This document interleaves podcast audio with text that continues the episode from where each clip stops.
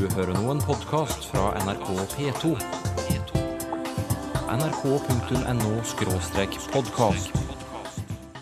Jeg vet ikke, jeg, men jeg tror det gjør seg at det går bra. Nei, du skulle ha vært en helt annen.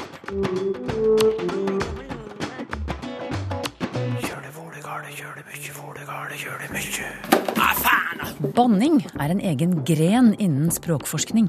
De to adjektivene man bruker mest, det er jævlig og forbanna. Det er jo adjektiv som kan stå til substantiv, da. Men veldig ofte så brukes de uten at de har noe substantiv. Maskinoversettelse kan styrke små språk. Å gi samer frihet til å bruke samisk og skrive samisk sjøl, ved å la nordmenn forstå det de skriver, det ser jeg på som et viktig arbeid.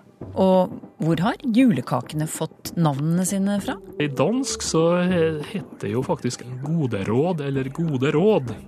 Så det går vel tilbake på å ha god råd.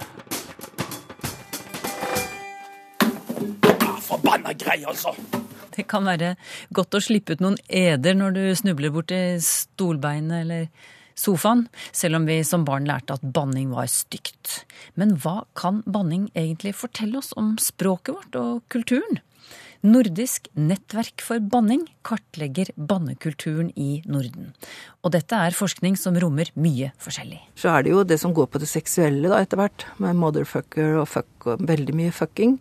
Ruth Vatvedt Fjell er språkprofessor ved Universitetet i Oslo og har forsket mye på banning de siste årene. Hva faen skjer her, da? Det er faen meg 100 snutebiler Banneforskning er mange ting. Det kan være for å kartlegge ordforrådet, som jeg er mest opptatt av. Det kan være å kartlegge funksjonen. Det kan være å se på lydinventaret det fonologiske. Det kan være å se på hvilke, ja, sånn historisk utvikling. Det er mange, altså Hele språkvitenskapen, hvilke syntaktiske konstruksjoner man bruker når man banner, som er litt annerledes enn vanlig syntaks. Det er mange, altså Hele språkvitenskapen kommer egentlig inn i banneforskningen. Ja, det er dette med banning, selvfølgelig. Hvis Et eksempel. Fuck off! Så hva jeg gjorde der? Jeg bøyde ikke verbet. Ruth har tidligere omtalt banning som sin språkbaby. Blant annet har hun forsket på hvilke ord man bruker for å modifisere kjerneordene i banning, altså ting som helt jævlig, bare svarte og Svarte faen! Jeg tok for meg de ti mest vanlige orda som forekommer i banning i norske aviser, som jo da også selvsagt er antageligvis ganske vanlig i banning ellers. Og så ser jeg på hvordan de modifiseres, altså hvordan man kan forsterke dem, eller hva de brukes til å modifisere hvis det er adjektiv. De to adjektivene man bruker mest, det er jævlig og forbanna. Og det jeg har sett, er at det er jo adjektiv som kan stå til substantiv, da. Men veldig ofte så brukes de uten at de har noe substantiv. Eller så er det veldig vage, eh, veldig vage substantiver. Jævla tosk, jævla idiot. Altså noe negativt som regel. Men det hender jo også at man eh, karakteriserer noe positivt. Jævla godt. da er det jo et adjektivet god, da, som er egentlig jævlig som et adverb til det igjen. Men når du er baneforsker, er det sånn at du da hører litt ekstra nøye etter hva folk sier på trikken og sånn, eller hvordan, hvordan, er det? Det er det absolutt. Og hvis jeg, særlig hvis jeg kommer en sånn ungdomseng som skulle på yrkesskolen på Sogn, så bare elga jeg meg litt innpå den, for jeg hørte for å høre hvordan de snakka, og så snakka av og til med dem også. Jeg har fått masse gode tips. Blant annet traff jeg på trikken en gang noen gutt som var fotballtrener, eller for, for guttunger, da. Og hvordan de hadde veldig strenge regler for hva som er lov og ikke lov å si på banen og sånn. Det var jo nytt for meg. De hadde helt klare regler altså for å straffe dem som sa en, et visst sett av ord og uttrykk. Faen i helvete, altså! Jævla klovn! Ruth har nettopp presentert forskningen sin på et bannesymposium, et seminar arrangert av Nordisk nettverk for banning, hvor hun selv er med. Nettverket består av forskere fra Norge, Sverige, Danmark og Finland, og har som mål å kartlegge bannekulturen i Norden. Under seminarets lunsjpause møter jeg en av Ruths svenske forskerkolleger. Jeg heter Erik Falk og har forsket om forulempninger på 1600-tallet og skrevet en avhandling i emnet som kom ut 2011. Førolempninger, eller fornærmelser i et historisk perspektiv der, altså. I Sverige, nærmere bestemt i Uppsala år 1630. Erik Falk han har gått igjennom flere tusen sider av domstolsprotokollene fra denne tiden. Og jeg har blitt mye fascinert over hvor intensivt de diskuterte språkmisbruk. For forulempninger var på den tiden forbudne språkhandlinger, og er det fortsatt i Sverige. Hva var de mest vanlige bandene på denne tiden? Ja, eh, Nå blir du kanskje litt besviken. Det, det var tjuv. Det, det trodde man ikke at det skulle være, eftersom tjuv ikke fungerer i dag som noe eh, banneord eller forulempningsord, som jeg sier. Eller, utan det har fallit bort. Men det var et fruktansvärt alvorlig skällsord förr i tiden att vara en tjuv. Och för kvinnor var det svåraste ordet att bli kallad för hora. Ett ord alltså som fanns i de medeltida lagarna men fortfarande finns än idag. Det enda skällsord jag har från mitt 1600-talsmaterial som fortfarande lever kvar som skällsord. Du nevnte at ordet tjuv var et uh, skjellsord. Hvorfor var det så ille? Det var ekstremt ille, tror jeg, for att eh, man kunne ikke låse om sine egodeler på samme sett som i dag. Og tjuvnad, å ta noe fra noen annen, var et veldig sterkt og alvorlig brott på den tiden når folk eide så veldig lite. Så att när de sa tjuv till varann och skällde varann för det så är det helt uppenbart att de menade att någonting hade kommit bort i ens eget hushåll och så skällde man den andra för tjuv och då drog den andra som blev förolämpad av ordet eh, den som hade skrikit tjuv inför domstol. Men eh, la oss da dra tilbake til universitetsbyen Uppsala rundt år 1630. Her ser vi store og små trehus med torv eller mose på taket. De går forbi boder hvor kjøpmenn selger ting som eh, kjøtt, brød og spanske silkehansker. I gatene rundt oss vrimler det av drikkeglade studenter, folk og fe. Uppsala er et lite samfunn, og det går fort rykter. Det er det som er så fascinerende med muntlige kulturer, viser det seg at det er som om blir jeg kalt for tjuv eller for hora. Det var som en, et klistermärke, en etikett som fastnade på meg. Det er noe magisk med orden. Sier jeg tjuv til deg, så blir du tjuv. Og dette trodde faktisk folk på den gangen. La oss f.eks. si at to kvinner ender opp i retten fordi den ene hevder at den andre har kalt henne for en Klifitta. Ja. Deretter blir det kalt inn vitner som kanskje har hørt hva som ble sagt. Den skyldige blir så dømt, og må Be om ursäkt, tala om at jeg har inget bevis i sak for at du er en tjuv eller en hora eller en skjelm. Sedan så sa domstolen du får bøta seks mark eller tolv mark. Og på den tiden var det fruktansvärt mye penger. Det kunne räcka til å kjøpe et litet djur, en boskap, et svin, en get, et får til eksempel. Og kunne man ikke bøte så skulle man enligt lagen slå seg selv for munnen og si jeg ljøg. Og det forekom faktisk i Uppsala en gang på 1630-tallet. En kvinne som var fattig hun fikk gå baklenges ut ur domstolsbyggnaden, slå seg for munnen og si at hun ljøg. Det er også snakk om en aldri så liten oppreisning. De fikk en tredjedel av bøtesbeloppet, så de kunne få fire mark, og det var ikke ille. Og så kunne de få en deklarasjon, de kunne få domstolsbeslut på at jeg er friad fra banningen. Jeg er friad fra ordet tjuv, jeg er friad fra ordet hora. Og da visste man at nå kan jeg gå ut på stan igjen, nå har jeg fire mark. Og ingen kan mer si at jeg er en tjuv eller en hora, for det har jeg et domstolsbeslut på. Men hva kan vi lære om språket vårt da, av å, av å forske på banning? Ja, om vi kan lære om språket? Ja, Vi lærer som sagt hvordan man konstruerer banneformler. og Der er det ofte en del sånn, f.eks. av en del konjunktiv, gamle grammatiske konstruksjoner som er ute av det moderne språket, som er igjen. Og det er eh, ord og uttrykk for gammeldagse forestillinger om hva som er farlig, og hva som er godt, og hva som er forbudt og sånn. Men først og fremst er det kanskje å finne ut av hva som er grensen for det akseptable og det uakseptable i språket. Det er det viktigste. Sa Ruth Vatvedt Fjell, språkprofessor ved Universitetet i Oslo. Reporter var Andreas Meyer Eide. Sakte-TV er årets nyord. Det ble kåret av Språkrådet tidligere denne uken, og kommentert, bl.a. på Twitter. Noen tvitrere minnet om at NRK har produsert sakte-TV lenge før ordet ble oppfunnet, eksempelvis Juli Skomakergata, eller den gangen TV-seerne ventet i det lang og det breie på at Harald Grønningen skulle komme ut av skogen. Pausefiskene på 60-tallet var definitivt sakte-TV.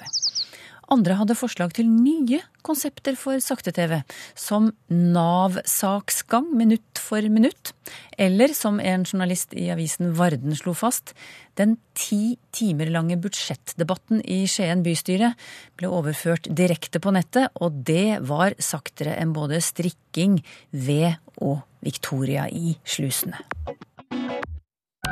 Hvordan kan moderne teknologi være med på å styrke små språk? Temaet ble diskutert under den internasjonale Tromsø-konferansen om minoritetsspråk tidligere i vinter, og et av svarene var maskinoversettelse. For maskinoversettelse kan gi minoritetsspråk et liv på internett. Et språk er ikke levende hvis det ikke finnes på internett, mente en av foredragsholderne. Well, uh, as long as many of our activities are, are done now online, social networking, we browse the web, we uh, search for information in Wikipedia. All of this is online. So anything that is not there, uh, or language that is not in those media, you cannot count it as a language that is really alive. Vi bruker nettet hele tiden, søker informasjon, er på sosiale medier. Det er avgjørende for små språk å være synlige på disse arenaene, sier Mikkel Forcada. Spanjolen er professor i datateknologi ved Universitetet i Alicante, og opptatt av hvordan maskinoversettelse kan styrke minoritetsspråk. Because, for example, you could use machine translation to generate a, a draft, uh, you know, a raw uh, version of something which you edit and you publish. So you can publish in a minority language content that has been already published in another language. Et dataprogram kan gjøre tekst tilgjengelig på et minoritetsspråk. Siden det er en maskin som oversetter, bør teksten bearbeides etterpå, men den vil uansett være forståelig. Og kanskje enda viktigere, med maskinoversettelse kan tekster på minoritetsspråk bli lest av mennesker som snakker andre språk. So if you are writing in your own language, which happens to be a minor language or a small language, you can just write in that language because there's going to be some machine translation for people to understand that. So they're going to be able to see it on their web browser translated into their language. Mikkel Forcada sier nettleksikonet Wikipedia er et godt eksempel på hvordan maskinoversettelse kan gjøre minoritetsspråk mer synlig. So, if you want to generate articles for the Wikipedia in a minor language, one possibility is to get them translated from another language if you have a machine translation system or a translation system. Ved hjelp av språkteknologi kan du oversette Wikipedia-artikler fra store språk til minoritetsspråk, og omvendt. So this means that we could have more, for example, a bigger Wikipedia in a small language just because people can use translation technology to generate more Wikipedia articles. That's one, one example. Når maskinoversettelse gjør et minoritetsspråk mer tilgjengelig, vil språket også normaliseres, mener Forcada. It actually uh, starts to be used in new situations, which means that it starts to get richer. It uh, normalizes in the sense that a language that is normal is a language that is general purpose. You can use it for everything. You can use it for chatting on a on a chat post text uh, in your Facebook or Twitter or read a newspaper, watch TV. So this is a normal language. Chatting, Facebook, Twitter, nettavis, nettundervisning. Det åpner seg mange nye muligheter som allerede er en selvfølge på andre språk. So I think one thing that language technologies do is that they make it um, possible for that language to enter some unexplored areas of society.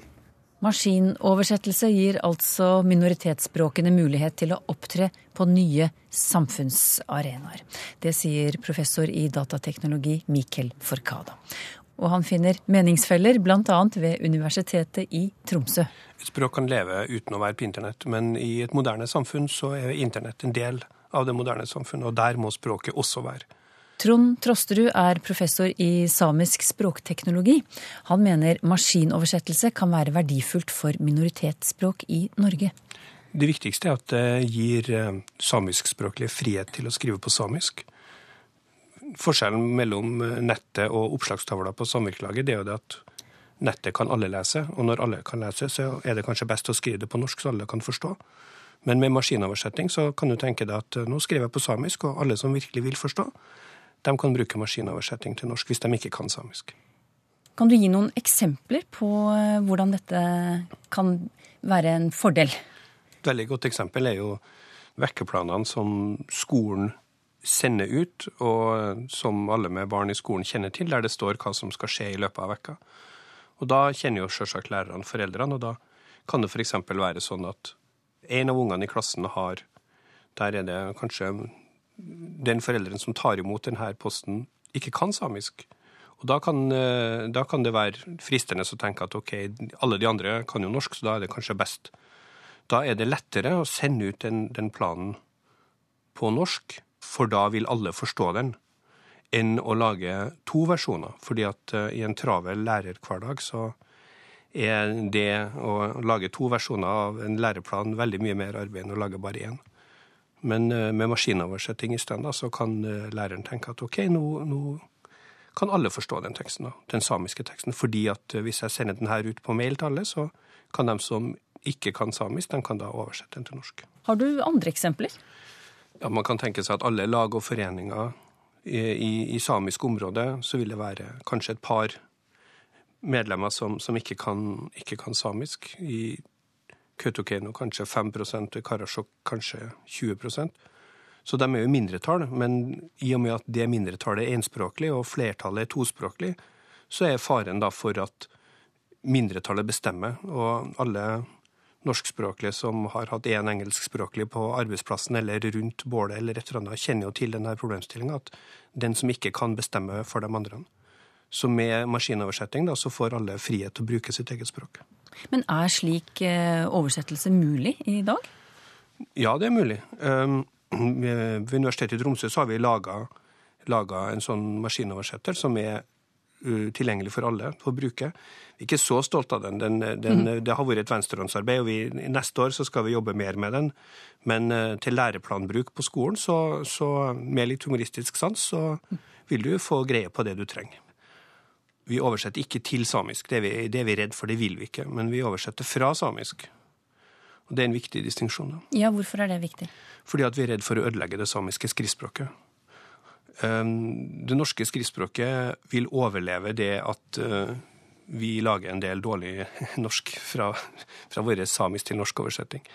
Altså Hvis vi hadde hatt samisk maskinoversatt tekst eh, Det er et mareritt for meg å tenke at 90% av all tekst på nettet skulle være laga av vår maskinoversetting. Fordi at det vil bli veldig mye dårlig samisk, og de som publiserer det, vil ikke se vil ikke se forskjell. Så det vil rett og slett være ødeleggende for den samiske språkkjensla. Så, så det, det, vil jeg ikke stå, stå ansvarlig for. Men, men, å gi samer frihet til å bruke samisk og skrive samisk sjøl, ved å la nordmenn forstå det de skriver, det er en helt annen sak. Og det ser, det ser jeg på som et viktig arbeid. Utvide muligheten til å bruke samisk, rett og slett. Maskinoversettelse kan være verdifullt for minoritetsspråk i Norge. Det mente Trond Trosterud, professor i samisk språkteknologi ved Universitetet i Tromsø. Kjør det, for det, kjør det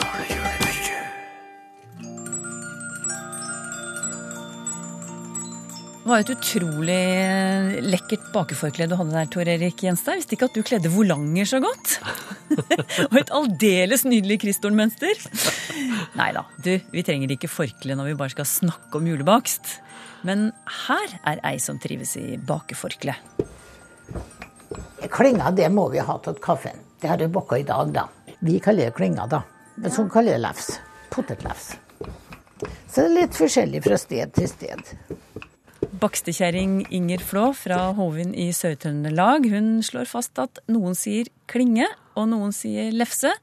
Og Torbjørn Bø fra Helgeland skriver til oss og forteller at på hans trakter bakes det krinalefse før jul. Hvor kommer ordet krina fra, spør han. Ja, eh, det her er jo eh, Krine, det betyr jo å pynt med figurer, tegninger og, utskjæringer. Og her er det vel da kanskje snakk om eh, en del tilfeller iallfall, så er det snakk om glasur, eh, som du tegner figurer i eh, streker til med en gaffel, f.eks. Det er krining. Sannsynligvis lån ifra lågtysk, eller nordtysk. Det finnes et ord belagt der, krinne, som betyr innsnitt eller skår. Det er antagelig en sammenheng der, men helt klarlagt er ikke det her. Men han eh, kobla det jo til det der med å kline, som eh, bakstkjerringa var inne på, det der med klinge og klining. Og, altså om påsmurt lefs, og det, det å kline i, i den betydninga, det er heilnorsk. Det går tilbake til norrønt. Altså Klina. smøre på? Smør? Ja, og smøre på. Stryk på uh, smør, ja. Mm. På lefsa her, ja. Og, og da heter jo den påsmurt lefsa, det blir jo da klining. eh, eller klinge. Det må en vel se på som to varianter av eh, samme ord, da. Det var lefsene, det. Mm -hmm. Kjersti Ingolfsdotter Vevatnet hun vil at vi skal kommentere kakesorten bordstabelbakkels. Eh, Hjemme hos Kjersti sier de bare bordstabler, forteller hun. Ja, eh, det er vel ikke stort annet å si om det enn at det må ligge en sammenligning til grunn, da, rett og slett med en stabel av bord eller fjøle. Det er jo kjent flere plasser, jeg har jo vært borti det her med bordstabel, eh, også i Trøndelag eksempel. Mm. De, de, de, sta, de er kanskje lette å stable, har det, Ja, har det noe med det, å gjøre, eller? det kan vel ha med det å gjøre, ja. Men du, nå skal vi til Østfold, der Nadia Mathisen bor. Hun sier gøttekeller om kakemenn. Gøttekeller, det er et morsomt ord. Ja, det er artig. Det er jo typisk eh, Østfold, da. Det er jo keller, det er jo karer eller menn det. Eh, Jeg ser òg at vi har Godtermann fra Kristiansand. Så ideen eh, finnes nok flere plasser. Men for å lage julebakst som gøttekeller og krinalefse, så trenger vi et kjevle. Og hva er det for slags ord, egentlig? Ja, det går jo tilbake til norrønt kevli, eh, som betyr rett og slett en liten rund stokk eller en pinne. Og det er jo da et diminutiv, som å si et forminskingsord til kavl. Og kavl kjenner oss jo eh, om forskjellige slags trestokker. Du har f.eks. kavlbru, som var lagt i myr av slike klaufte trestokker. Det var kavla. Du kan ha garnkavl til fløyt på fiskegarn. Og, og kjevl er altså avleda av kavl. Og det er jo snakk om en trerull med, med håndtak her, da, til å rulle ut deigen. Men kjevle kan bety mange andre ting òg, som har med slike trestykker å gjøre. Og så er det jo av og til at de sjøl imellom rutakjevl og slettkjevl, da. Altså det, det ene da med mønster, eh, renner eller tagger, det er jo gjerne kalla rull eller brødrull, da. Så det er litt sånn variert terminologi. Jeg kan jo nevne at selve grunnordet her, kavl, oppe i Lierne i Nord-Trøndelag, så er det kavl altså faktisk bruka om kjevle til baking. Men du, mens vi snakker om bakeredskaper, mm. takke til å steke f.eks. lefse på, hva er det for slags ord? Ja, det er litt delte meninger om opprinnelsen. Det er foreslått både finsk og, og lågtysk. Men det som er interessant med denne takka, synes jeg, det er at det har nok spredd seg uh, utover eh, landet i nyere tid. Eldre ordbøker, uh, som Ivar Aasen og Hans Ross, 1800-tallet, de fører det som at det hører hjemme sønnafjells. Og eh, slik som i Trøndelag og Vestlandet, eh, så var det helst et bakstehelle, baksterhelle eller baksthyll. I Nord-Trøndelag også bakstjarn, brødjarn, eh, finnes som plasser. Og det- var nok kanskje slik i en periode at eh, de mer lokale ordene her var bruka om de gamle baksthyllene, da, mens eh, takke kom kanskje inn med de nye elektriske. Mm. Vi tar noen flere klassikere fra julens kakebord, eh, Tor Erik Gjenstad. Fattigmann, hvor kommer han fra? ja, uh, her skulle du egentlig spurt en kar som Henry Notaker. Han er jo mathistorikeren vår par excellence. Jeg har jo sjekka litt hos han, og uh, det dukka opp uh, sist på 1700- og først på 1800-tallet. Eh, og nei, altså det er jo forkorta ser det ut for som for fattigmannsbakels. At det er mer fullstendig.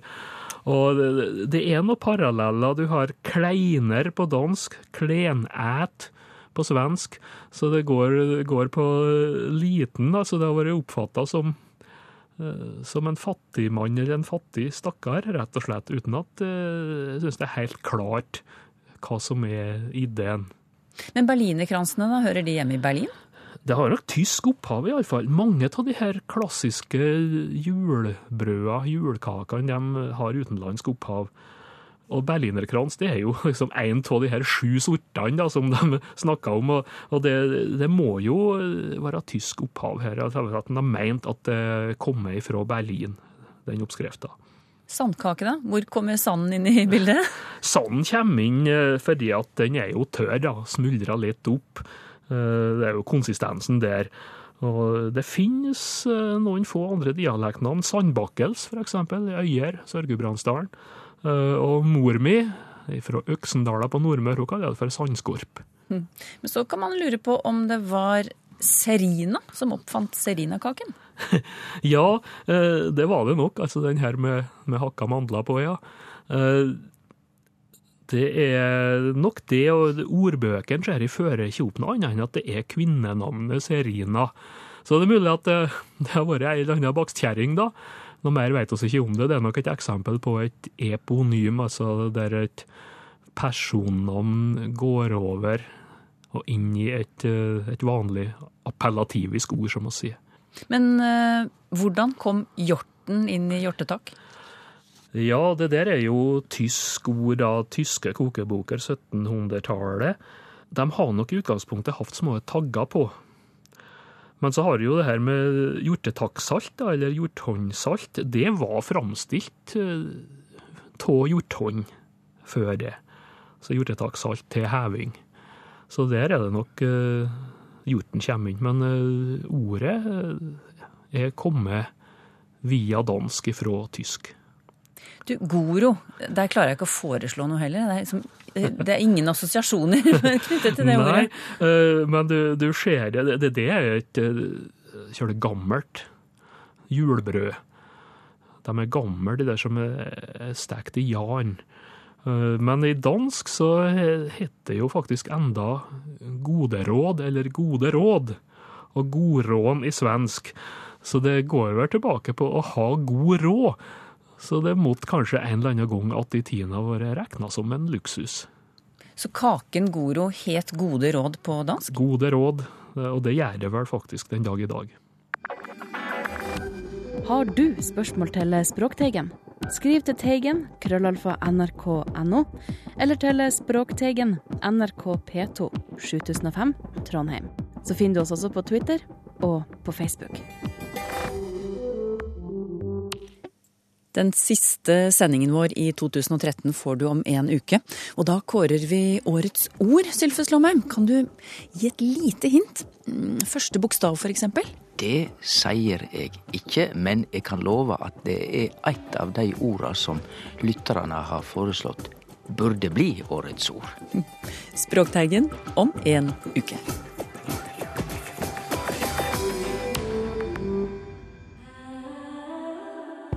nrk.no podkast.